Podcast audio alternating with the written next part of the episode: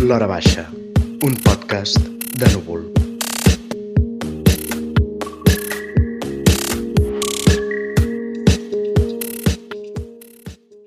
Hola, benvinguts i benvingudes. Això és l'Hora Baixa, el podcast de Núvol. Avui només estem la Carlota i jo perquè bueno, la situació de Covid s'ha disparat una mica a Catalunya llavors intentem ser el menys gent possible a la redacció i no anar-nos trobant gaire uh, per evitar situacions de, de perill. No? De fet, hi ha un article del Joan Bordeus que s'ha publicat aquesta setmana que precisament reflexiona sobre això, sobre l'augment de, de, dels contagis i d'una mica aquesta locura en la qual ens hem ficat tots, perquè bueno, a mi em dóna la sensació que hem desaccelerat una mica molt ràpid, tot vinga, tot fora, tot mascaretes, anem a festivals i, i no sé, no sé si estem sí. gestionant-ho de la millor manera. Bueno, I al final qui, qui pringa acaben sent els joves, no? Perquè primer és aquí s'ha criminalitzat tota l'estona, després és aquí es continua criminalitzant perquè és qui no té vacunes, però en realitat s'està veient a les xarxes com la gent està disposada a anar-se'n de, de Barcelona a Girona per vacunar-se des de Núvol diem prou, stop criminalització dels joves per, pel tema Covid. Però bueno, sí, que realment estem en una situació una mica... De fet, des de Núvol també diem vacuneu-vos. Tot i això, no? Però és veritat el que diu la Carlota, que és veritat que s'han disparat moltíssim els, els, els contagis entre una població que, evidentment, doncs, s'ha doncs, disparat allà perquè eren els que no estaven vacunats, de fet, i també és, sabem que els, està anant molt ràpid, però també és una mica difícil trobar hores de vacunació si no et connectes a les 7 del matí a, a buscar, no? Estem en això. Però bueno, no hem vingut aquí a parlar, no hem vingut aquí a parlar de vacunes. Um, hem vingut aquí a parlar de, de Núvol, de les coses que fem a Núvol, i una miqueta de, de veure com encarem aquest estiu llarg, ple de festivals de música, de teatre, de dansa, tenim moltes coses a cobrir, i de fet hem començat el mes amb un reguitzell d'entrevistes que hem estat fent, hem fet els nostres redactors i redactores, han fet molta feina, i aquests dies, si heu entrat a Núvol, heu vist que hem fet, per exemple, l'Oriol Puigtauler va entrevistar el Xavier Albertí, que ha acabat els seus 8 anys davant de la direcció del Teatre Nacional de Catalunya. També hem publicat entrevistes a l'Andreu Navarra, que el va fer el Gerard Mur, que acaba de publicar a Anagrama un llibre que es diu Prohibido aprender, i que ha tirat bastant aquesta setmana a parlar sobre el paper de l'educació, el paper de l'escola i com el model escolar aquí a Catalunya, a Espanya està una mica... No sé si tu hi estàs d'acord, no hi estàs d'acord? Vull dir, és veritat que hem... som generacions que hem viscut moltes lleis educatives una rere l'altra i a vegades... Sí, com... Jo em sembla... Alguna vegada m'he sentit una mica conillet d'índies, no? Però jo crec que això deu anar passant a totes les generacions i cada cop més, però realment jo me'n recordo quan de cop apareixien amb, sí, amb, a... A, farem aquest model i Sí. llavors què és això? Potser també és una cosa que penses a posteriori però, però bueno, que al final totes les generacions ho són d'alguna manera Mm. per, per fer canvis és evident que necessites Sí, sí. mm, començar-los d'alguna manera Doncs hi ha aquesta entrevista, després hi ha una del Joan Bordeus, també el Ferran Saez, que també ha publicat un llibre a Amsterdam, que es diu Els morts riallers, i que parla una miqueta del paper de la transició, de, de com hem venut, o com hem venut a posteriori la transició, aquest relat de victòria triomfalista, que eh, va ser una victòria en molts sentits, perquè es van aconseguir una sèrie de llibertats i el país va sortir d'una dictadura, però però també hi ha hagut moltes coses que han quedat al tinter i que després no s'han revisat i hem anat passant anys i anys i ara hi ha com una generació que també sembla que estiguem com impugnant-ho tot, no? A vegades potser amb raó, a vegades potser sense raó, però, però no sé, tenim la sensació que hi ha coses que no s'han fet com s'havien de fer. També tenim una entrevista a la Diana Roig Sanz, que la vaig fer aquí a la Carlota, si ens vols parlar una mica de... Sí, la, la Diana Roig Sanz es dedica, um, és una investigadora de la UOC i investiga uh, el que es diu estudis literaris globals. Llavors és interessant perquè realment és una, una disciplina que no és gaire coneguda ni gaire institucionalitzada. Normalment s'estudien les, les literatures nacionals, o sigui, la literatura eh, espanyola, catalana, eh, eh, francesa... Com un bloc, sigui. no? Exacte, blocs nacionals. I en canvi, de, els estudis literaris globals el que fan és com un- ampliar una mica el punt de vista i buscar com el, fenòmens que, pu que puguin veure's al, a, a nivell transnacional, com per exemple, ella parlava molt d'espais que no tenen per què ser nacionals, com per exemple a, el mar Mediterrani i tota la literatura que surt de tema de crisis migratòries, tema de això, eh, canvi climàtic també és una cosa com que és transnacional i no és una cosa com mm, mm, forçament lligada, eh, forçament lligada a, a, a, A una llengua o una- sí. Després també estudia molt um, tot el que són els, els mediadors culturals, que és tota la gent que es dedica a, a fer que, jo que sé, que nosaltres, per exemple, ara mateix llegim eh, Freud, ha sigut perquè algú ha conegut Freud, doncs aquí va decidir em, em traduir-lo, de fet es va traduir primer al castellà que al francès o a l'anglès, el qual és una cosa bastant... Perquè ella també, una Perquè cosa Freud que es fa... escrivia en alemany. O, bueno, Sí? sí? bueno, és austríac, no? Crec. Sí, bueno, ara potser estem ficant la pota. Hola, bon dia. Però Sigmund Freud, sí, crec que... Sí, bueno, bueno, és igual. que sí, no? Que va ser traduït al castellà abans que l'anglès del... Sí, sí, del, sí, però vull dir, a nivell de el que es considera literatura central i literatura perifèrica, um, que és una idea que tenim molt al cap, és això, la, la, la francesa, l'anglesa, no? Són literatures que estan... con- Ai, bueno, literatures i cultures en general, com considerades centrals i després potser a Llatinoamèrica és considerada, o catalana, és considerada perifèrica o petita. Llavors també com si amplies el, el punt de vista i mires també el paper d'aquests mediadors culturals, de la gent, això, els traductors, editors, etc, com han, com han treballat uh, durant els anys, doncs és una manera també de trencar amb aquesta idea i és bastant interessant. De fet, també és bastant interessant veure com els autors entren en una literatura. No? Penso, per exemple, aquí a Catalunya va haver un fenomen amb uh, Henrik Ibsen, que és un dramaturg de noruec, que llavors no era noruec perquè Noruega no existia, no s'havia separat de Suècia, llavors bueno, es va separar durant la vida d'Ibsen, uh, i és com molt curiós perquè aquí a Espanya va entrar per Catalunya, per Barcelona, a través de traduccions directes del francès, però amb uns tempos que a principis del segle XIX eren molt forts, perquè hi ha obres d'Ibsen que s'estrenen en català només dos o tres anys després de que s'haguessin estrenat en, mm. en versió original en, a Noruega, mm. que per això estem parlant del 1908, mil, vull que dius, uau, que només en dos anys aconseguissin ja i s'interessessin, mm. i, i clar, evidentment aquí ja es van expandint a través de la península i, mm. i, i, i Una passen coses co- d'aquestes. Una de les coses que em, va, que em va explicar, que em va, semblar, em va sorprendre molt, és que el Jaume Cabré es veu que el venien a... a, a no, no me'n recordo ara quin dels seus llibres, però a, quan el venien a Madrid amb tirades bastant curtes i tampoc era un, un autor... Aquí sí que es llegia, Mhm. però a Madrid tampoc es llegia excessivament. I mm, que es veu que hi ha la Fira de Frankfurt, que és una fira literària superimportant a nivell europeu, llavors a la Fira de Frankfurt li van fer molt cas i es va, i es va vendre molt, es va, es veu que va, va, es va vendre una mica amb aquest discurs d'autor europeu o alguna així. Llavors, a partir de que Frankfurt es va consagrar, després el següent llibre a Madrid la tirada va ser molt més forta. Llavors Clar. és una cosa com que realment l'ordre de com, o, o les, les mm, magnituds de com, eh, les proporcions de com es ven una cosa a l'altra, o com es llegeix una cosa a l'altra, no tenen per què seguir lògiques d'aquestes tan nacionals o, tan, o, de, o de Sí. proximitats geogràfiques. A vegades segueixen altres tipus de lògiques que no coneixem. I és Sí, no, i a més la relació cat literatura catalana literatura castellana a vegades també passa que hi ha autors catalans que tenen un boom a Llatinoamèrica i llavors allà tira molt i llavors la literatura castellana el, de, de la península el recupera i dius, bueno, però el tenies al costat i t'ha fet falta viatjar fins a Mèxic o viatjar fins a Argentina per, per tornar a casa. És curiós. I a vegades també passa de descobertes dins de la pròpia literatura, o sigui, dins del propi cànon. Penso en el Joan Sales, que fa un parell o tres d'anys va tenir un petit boom a Anglaterra amb Incerta Glòria, bueno, que també en van fer la pel·lícula i tot això, no? I, I de cop aquí és com, oh, que hem redescobert Sales, no? O Marlí, Marlí mateix, dir, això ja me n'estic anant de la Bueno, literatura ja m'estic anant un, un Però àmbit un completament altre diferent. àmbit. Però l'obsessió que tenen a, a Llatinoamèrica amb Argentina, bueno, jo conec pot- potser més la part d'Argentina, però l'obsessió que tenen amb Marlí és una cosa que aquí, o sigui, aquí tothom coneix Marlí, tothom l'ha vist, o, bueno, jo de fet, mm, No l'has vist? Sí, sí que l'he vist. Ara l'he vist, però la vaig veure, o sigui, perquè vaig viure a Argentina, l'he vist quan vaig Per ells. descobrir que era tan famosa allà, que és com, a vegades hi ha lògiques que, que, que, que se surten precisament de la lògica, no?, en, aquest, en el que és la transferència aquesta cultural, i és molt sorprenent.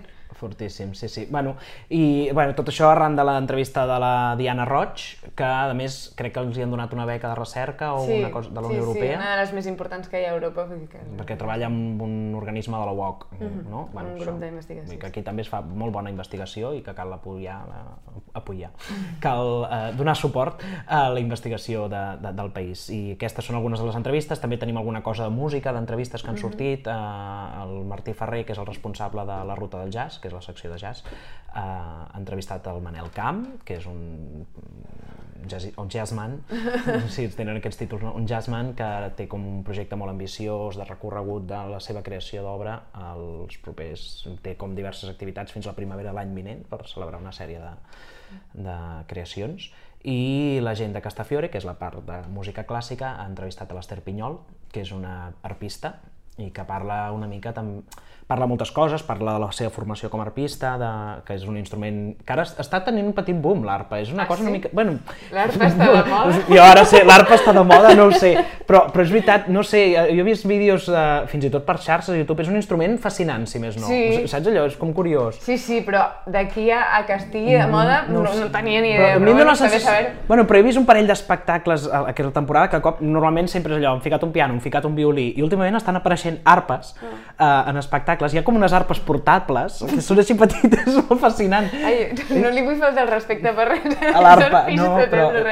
Però és difícil de tocar, eh? És sí, sí, difícil. sí, m'imagino. De- I, I hi ha com... Però és un so molt maco. Bueno, a mi em dóna la sensació que sí, que hi ha com una revalorització de l'arpa, que sembla un instrument que la gent pensa, bueno, fas pling-pling i ja està. I no, no, té, té una, una tècnica bastant complicada, fins i tot més que alguns altres instruments. I, bueno, doncs hi ha aquesta entrevista a l'Ester Pinyol, que també parla de temes de gènere, um, discriminació de gènere dins del món perquè és l'arpa, per exemple, com la flauta dolça o la flauta... no, la, la travessera, mm. que és la que es toca així, la flauta dolça és l'altra. Sí. La flauta travessera eh, són instruments que normalment es vinculen molt a dones mm.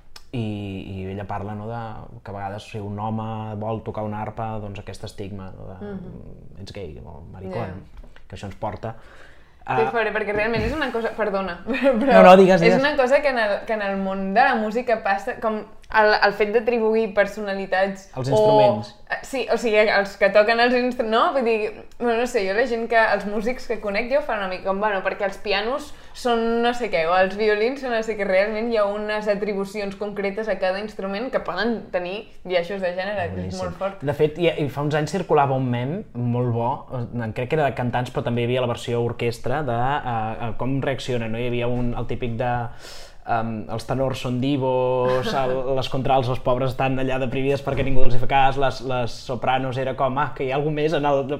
Era un mem, busqueu-lo, no sé, era molt divertit. I després n'hi havia un també amb, amb el, les parts de l'orquestra, no? allò, les percussions que no s'enteren de ningú i van a la seva... No és, no és veritat, eh? vull dir, si algú és fan de la música, no, però vull dir que hi ha aquestes generalitzacions. I, I el que deia l'ARP, això, i d'estigmatitzar de, d'estigmatitzar com instruments per gènere, o tu fas dansa, tu fas música, tot, ens porta una mica a un, a un dels temes d'aquesta setmana, que ha sigut tot, tot el tema del, del Samuel, que és aquest noi que van assassinar a, a Galícia, amb insults homòfobs, és igual si ell ho era o no ho era, és igual, perquè és, la, la violència que li van exercir era vehiculada a través d'insults homòfobs, per tant és un acte d'homofòbia. I va haver aquesta manifestació a Barcelona i a molts altres llocs de, del país. Mm. Tenim un article de l'Isaías Fanlo, que és un, un dels nostres referents LGTBI a Núvol, que, que en parla i que és un tema greu, perquè veiem que com aquests petits comentaris homòfobs traspuen doncs, des de l'educació més bàsica no, dels alumnes i que és un tema que s'ha de treballar. Afortunadament, és veritat que Espanya, a Catalunya, som dels països més mm, respectuosos a nivell de, del món. Vull dir que a vegades ens sembla estem... Realment hi ha moltes coses a millorar, però realment hi ha molts països fora d'aquí que encara estan pitjor que nosaltres. Però això no vol dir que ja ho tinguem tot conquerit mm. i que puguem anar més. A mi, a mi el que em sembla més important d'això és, crec que ho va dir la, la Begoña Gómez, que és una, una periodista, em penso que ho va dir ella, però que deia um, que el que et diuen mentre t'estan, o sigui, com a eslògan està molt bé, el que et diuen mentre t'estan assassinant importa. Clar. Llavors, per mi això és la clau del tema, perquè és que just ahir estava en un bar i escoltava els nois de la taula del costat, mm. tenint una conversació i deien potser, clar, clar que, o sigui, no treien rellevància a, a, a l'assassinat, però sí que deien com, bueno, però que la gent, bueno, i com aquests nois molts mitjans ho han fet, com que sigui, que sigui gay o no, no és important, no sé què, segurament ell també s'havia encarat, no sé què, com... bu- Buscaven una complexitat o una, un anar a buscar la punta a la cosa que no hi és, perquè realment si t'estan matant a crit de maricón és molt important que el que t'estiguin dient o negre o puta o no, vull dir, el que t'estan dient en aquell moment és la clau de la cosa i mm, Bueno, és, és el motiu pel qual t'estan agredint, també. Encara que tu els hagis dit, pues, hi, ha, hi ha una vehiculació d'allò, no? Sí, sí, és així. Sí, sí, que les paraules importen és una cosa que, que 100%. no, no es diu prou i que, bueno, no sé. Sí, i ara que dius això, que les paraules importen, també tenim una entrevista, avui que hem parlat de roig, anem de roig a roig, que és de l'Albert Roig, eh, que ha fet el Bernat Puigtovella, que és un poeta mm, català que també ha publicat una antologia que es diu Els ulls de la gossa, que repassa, repassa la seva obra des del 1979 al 2019, crec, publicat per Edicions 62, i, i també és una entrevista molt maca eh, en què repassa la seva, pues això, la, la seva creació.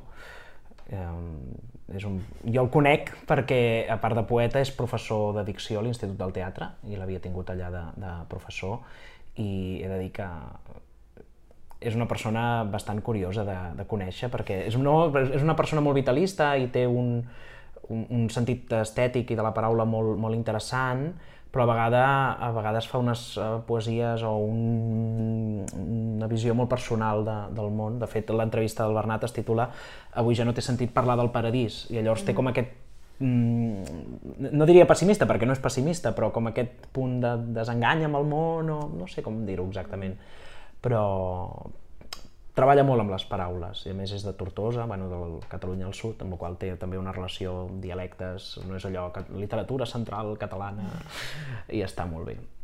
Doncs com veieu, aquesta setmana ens hem posat tots d'acord realment sí. per entrevistar... Hem fet entrevistes a, a tot i plen. Sí. I a part de les entrevistes, doncs a Núvol tenim diverses coses en marxa. Eh, tenim, bueno, a part dels suplements de sempre, els, el Molta Merda, de teatre i el Faves Tendres, que surt els, els divendres, mm -hmm. i que és el suplement literari. Tenim algunes petites sèries que ens agradaria recordar que tenim, perquè bueno, li donem valor. Tenim la Marta Pontnou, que fa tots els seus articles cada divendres, de, del qual va sortir fa uns mesos un llibre, que és el Manual per a Pubilles del segle XXI, que és aquest eh, bueno, un to desenfadat i humorístic, però també a vegades crític, doncs ella parla de la realitat social catalana i de les dones empoderades catalanes i també una miqueta de, de comentari... I de l'estil, també. I de l'estil, bueno, perquè, perquè ella, ella en sap molt, clar. Exacte, ella és estilista, llavors també parla sobre com vestim les catalanes, que diu que som unes avorrides, així com a, a grans trets. I ja està, i és així. I és així, i és, és una així. veritat. Algun dia també parlem dels homes que són molt avorrits, excepte l'Oriol Puigtauler, que va amb unes camises fabuloses.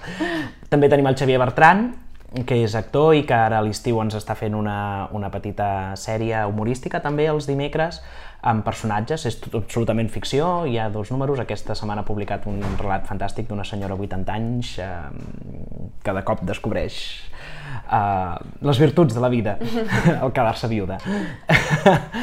um, I els divendres al Faves també hi ha el Malció Comas, que si, que si algú li ve de gust aprofitar l'estiu per escriure una novel·la, és, és una, mena de, una mena de curs literari. No és tots els divendres que ho publiquem, però ho publiquem bastants divendres, i són uh, petites píndoles en forma d'article sobre consells per escriure. No? Mm -hmm. I llavors té pues, uns dedicats a personatges, uns dedicats a les situacions, als diàlegs, a com construïm la complexitat eh, psicològica del personatge, com presentem paisatges, està bastant bé, a més el Malció té certa sensibilitat escrivint-ho.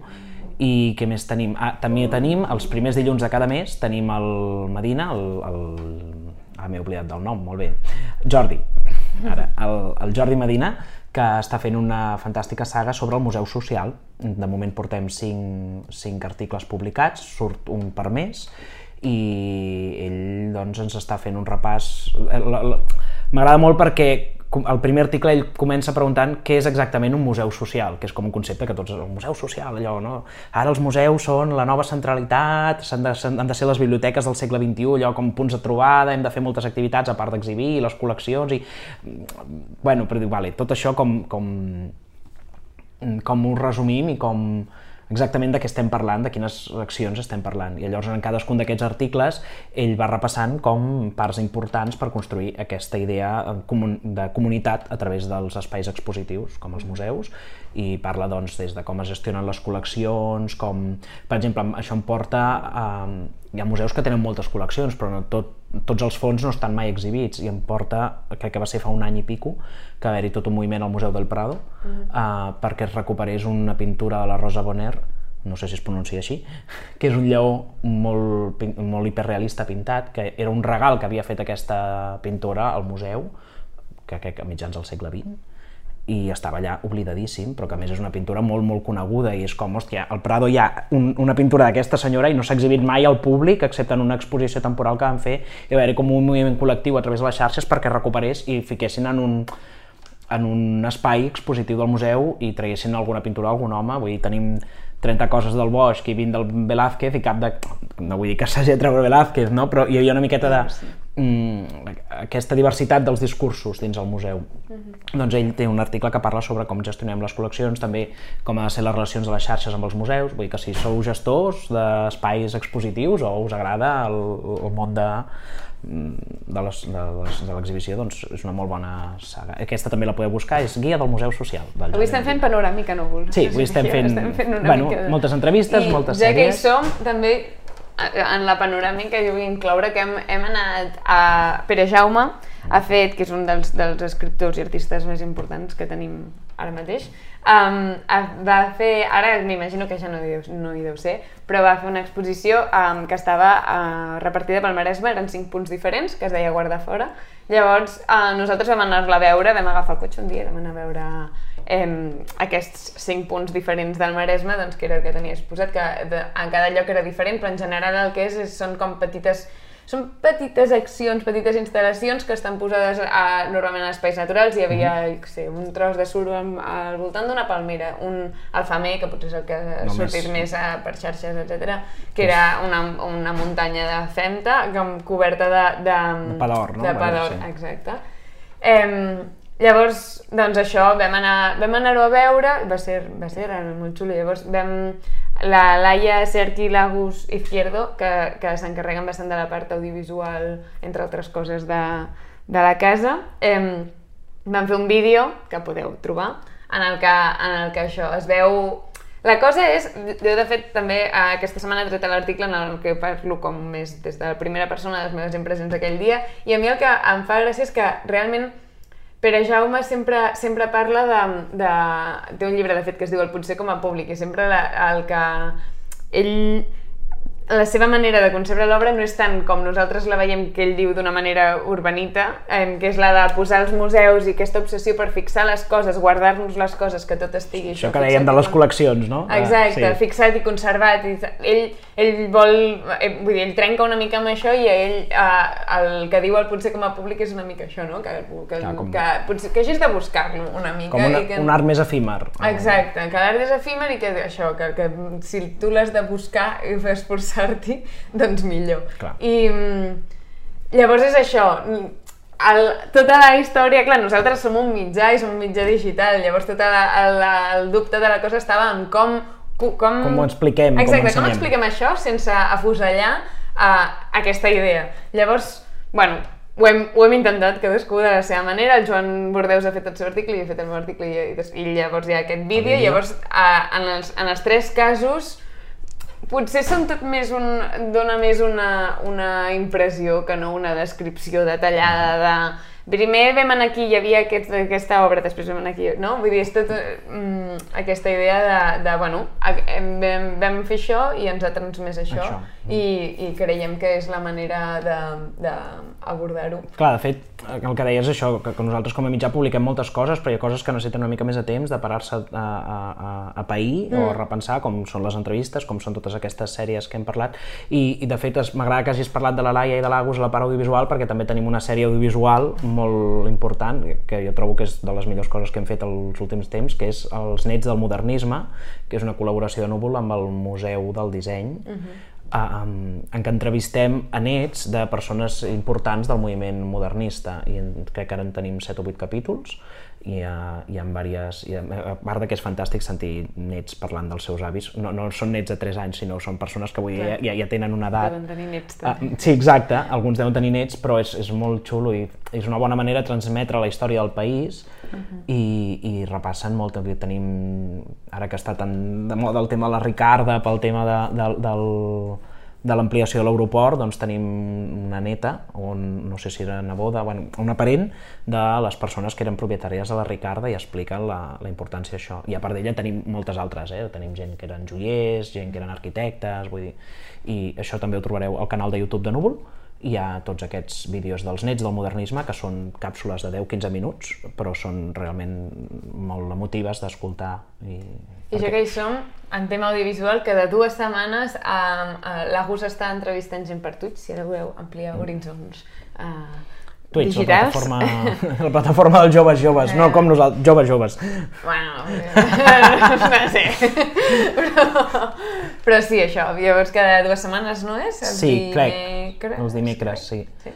Eh, Després els anem penjant. Va fer un amb el Marc Lesan, ha fet un amb el Marcel Vivet, exacte. i ara veiem la setmana vinent quina gent... També ens passa que ara, com que hi ha el Covid, com dit, doncs... I, eh, Tenim gent que a vegades podem fer entrevistes però hem d'esperar-nos una mica perquè mm, bueno, està afectant especialment a la gent jove ara mateix. I res. I a veure, així a panoràmica, crec que ja hem fet un bon repàs. Hem parlat d'arpes, hem parlat de llibres, hem parlat d'entrevistes, de recerca, de que us aneu a vacunar i, i crec que amb això ja podem acabar i és divendres, així que ens anem cap a casa a descansar després d'una setmana intensa de feina. Moltes gràcies per llegir-nos i també per seguir-nos, per escoltar el podcast i no sé, ens veiem un dia d'aquests.